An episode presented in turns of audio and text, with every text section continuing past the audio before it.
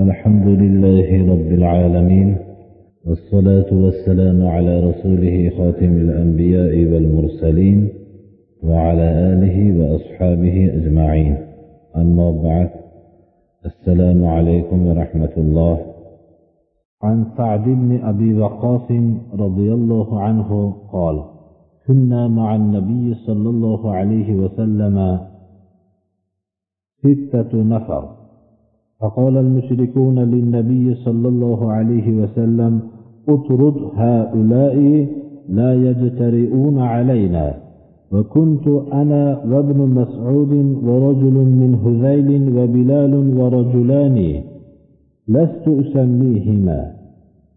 فوقع في نفس رسول الله صلى الله عليه وسلم ما شاء أن يقع فحدث نفسه فأنزل الله تعالى ولا تطرد الذين يدعون ربهم بالغداة والعشي يريدون وجهه إمام مسلم رواية لردك keltirilgan sad ibn abi vaqqos roziyallohu anhudan rivoyat qilinadiki payg'ambarimiz sollallohu alayhi vasallam bilan birga biz oltita nafar kishi turgan edik ya'ni islomning avvalida edi olti nafar kishi turgan vaqtimizda mushriklarning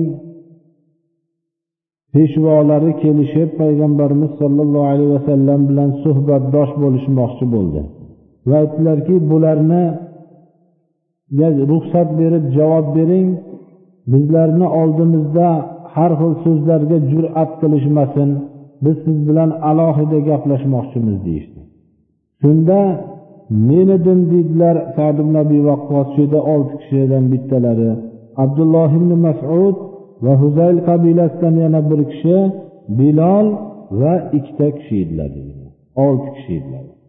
Payg'ambarimiz sollallohu alayhi vasallam shu vaqtda islomning avvalgi vaqti edi. Bu mushriklar bilan bir suhbatdosh bo'la olmayotgan edilarki bularni bir dinga da'vat qilmoqchi edilar. Bu da'vat bilan maqsadlari bir o'zlariga bir foyda hosil qilishmas edi. Yoyinki bir o'zlarini qaramog'idagi bir qarindoshlariga bir foyda hosil qilmoqchi emas edilar. Balki islom uchun bir foyda bo'lsin degan maqsad edi. Va shu bilan birga islom yo'lida ozor chekayotganlarga bo'lgan ozor yengillashligi uchun shular bilan suhbatlashsammikin bularga javob berib dedilar.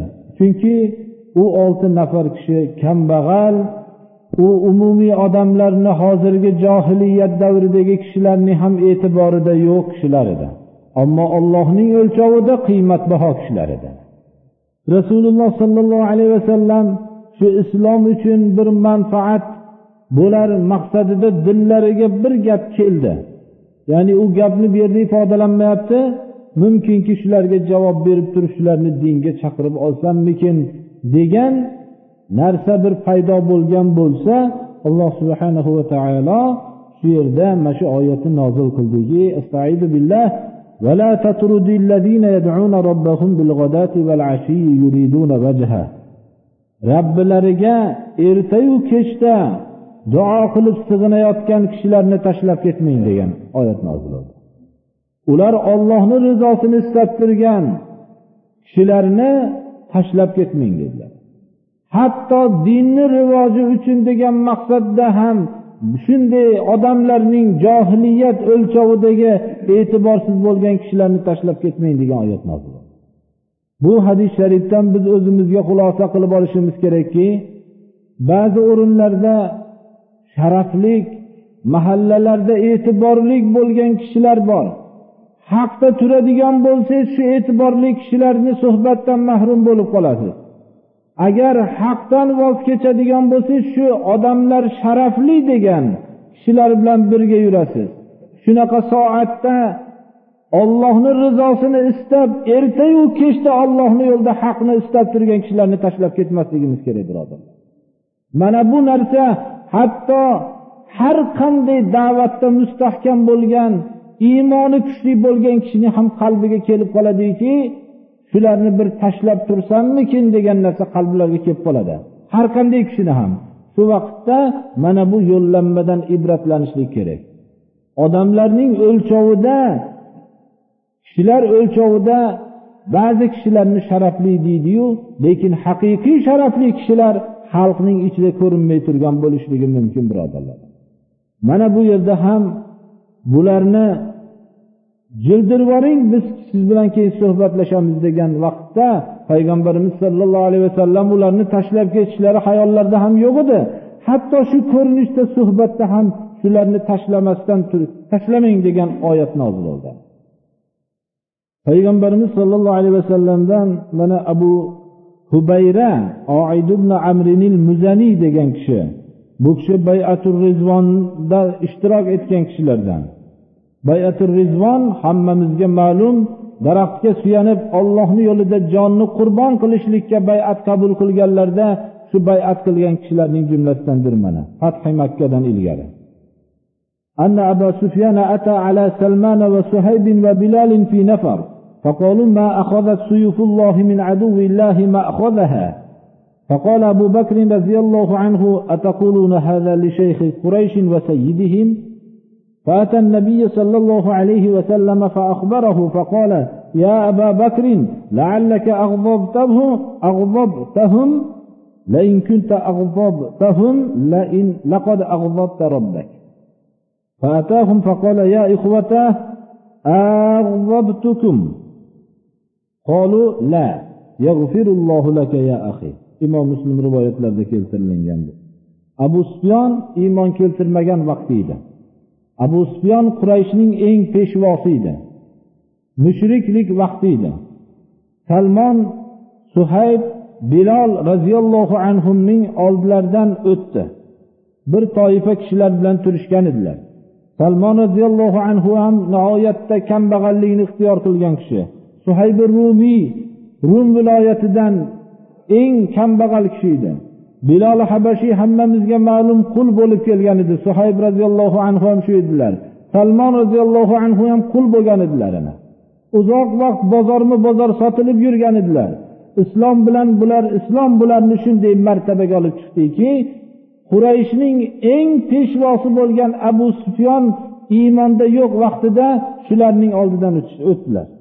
O'tganda bular aytdilarki bu abu sufyon hali ham yuribdi ekanda ollohni dushmanidan ollohni qilichi o'zini o'rniga tushmabdida haliyam deb ya'ni haliyam abu sufyon bor ekanda degan kalimani aytishdilar. Chunki doim rasululloh sollallohu alayhi vasallamni qatl qilaman deb yurardi mushriklik vaqtida. Islomga eng zarar yetkazmoqchi bo'lib yurgan kishi edi mushriklik vaqtida. Shunda abu bakr roziyallohu anhu bu so'zni eshitdilarda qurayshni eng kattasiga shu so'zni aytasizlarmi deb qo'ydilar xolos. Shunda payg'ambarimiz sollallohu alayhi vasallamni oldiga oldilariga kelib shu voqea bilan xabardor qildilar. Ularning aytgan so'zlarini va o'zlari aytgan so'zni ham aytdilar. Shunda aytdilarki ey abu bakr dedilar. Shu achchiqlantirdingizmi yo'qmi ularni? dedilar. G'azablantirdingizmi yo'qmi uchovlarini dedilar. Agar g'azablantirgan bo'lsangiz rabbingizni g'azablantiribsiz dedilar. Darrov qaytib keldilarda voy birodarlar g'azablantirdimmi sizlarni? deb so'radilar. Ular aytishdilarki yo'q g'azablantirganingiz yo'q. Olloh sizni mag'firat qilsin gunohingizni dedilar. Ana islom uchta bozormi bozor sotilib yurgan qulni islomni qabul qilgandan keyin islom shu martabada ko'rdi biz shuning uchun ham ba'zi amallarimizda ba'zi e'tiborimizda yo'q bo'lgan kishi bizni e'tiborimizda bo'lmasligi bilan uni e'tiborsiz bo'lib qolmaydi birodarlar. Mumkin ollohni e'tiborida u e'tiborlidir. Shunday kishilarni tashlab ketmang degan oyat mana rasululloh sollallohu alayhi vasallamga nozil bo'ldi. Agar hozir shu kishilar bo'lganda odamlarning hozir juda bir umumiy til bilan aytganda juda qoida bilan yuryapmiz degan kishilar bu uchovlarni yoqtirmagan bo'lardi birodarlar. Ana bunday kishilar faqat ularning ziynati haqiqatda yurishidir. Ular odamlarning umumiylari yuradigan yo'llarni bularda shakllanmagan edi. Ammo ollohning o'lchovida shunday qiymatli ediki bularni g'azablantirishlik rob taoloni g'azablantirgandek edi ana bu narsani biz anglab olishimiz kerakki qaysi bir sodda oddiy odam haqda turgan bo'lsa buni tashlab ketishlikdan hushyor bo'lmoqligimiz kerak odamlarning o'lchovi bilan kishilarni o'lchamasligimiz kerak mana bu bizni dinimizni rivojlantirishlikka asl sabab mana shu ruh bo'lgan. Odamlar bechoralar boshqa umumiy millatlar ko'rganki agar bu dinni qabul qilsak shu dinning hukmlariga amal qilishligimiz bilan biz yaxshi odam bo'la olamiz deyishardilar. Ammo boshqalarni yo'lida yaxshi odam bo'lishlikning o'lchovi boshqacha bir soxta tarozilardi shuning uchun boshqa yo'llar rivojlanmasdan islom butun yer kurrasi bo'yicha hamma millatga tarqalishligining siri shu. Alloh subhanahu va taolo bizlarni ham haqiqiy o'lchov bilan odamlarni o'lchab yurishligini alloh taolo hammamizga nasib qilsin. Janoza namozi ekan. Bir janoza namozidan bir masala so'ralib qo'yibdi. Odatda tobutni ko'targan vaqtida tezroq yurib olib boriladi. Sabab ya'ni mayda qadam tashlab tezroq yurib olib boriladi. Sababi yaxshi odam bo'lsa tezroq ollohni tayyorlab qo'ygan yaxshiligiga yetib borsin yomon odam bo'lsa odamlar yelkasidan tezroq qo'yishsin uni degan ma'noda. Shunga hozirgi markablarda olib borilganligi markab tez yurish kerakmi yo sekin yurish kerakmi degan savol bo'libdi. Tez yurish sekin yurishligi odatda masalan sekinroq yurishligi bilan u sekinlab qolmaydi. Odatda odamlarni yurishidan har qanday tez yurishidan tezroq bo'ladi. Shuning uchun u yo'llarda ozor bo'lmaydigan holatda ohista yurilgan yaxshi bo'ladi. Alloh taolo hammamizni shu hadislarga amal qilishlikka alloh taolo tavfiq bersin. Allohu akbar.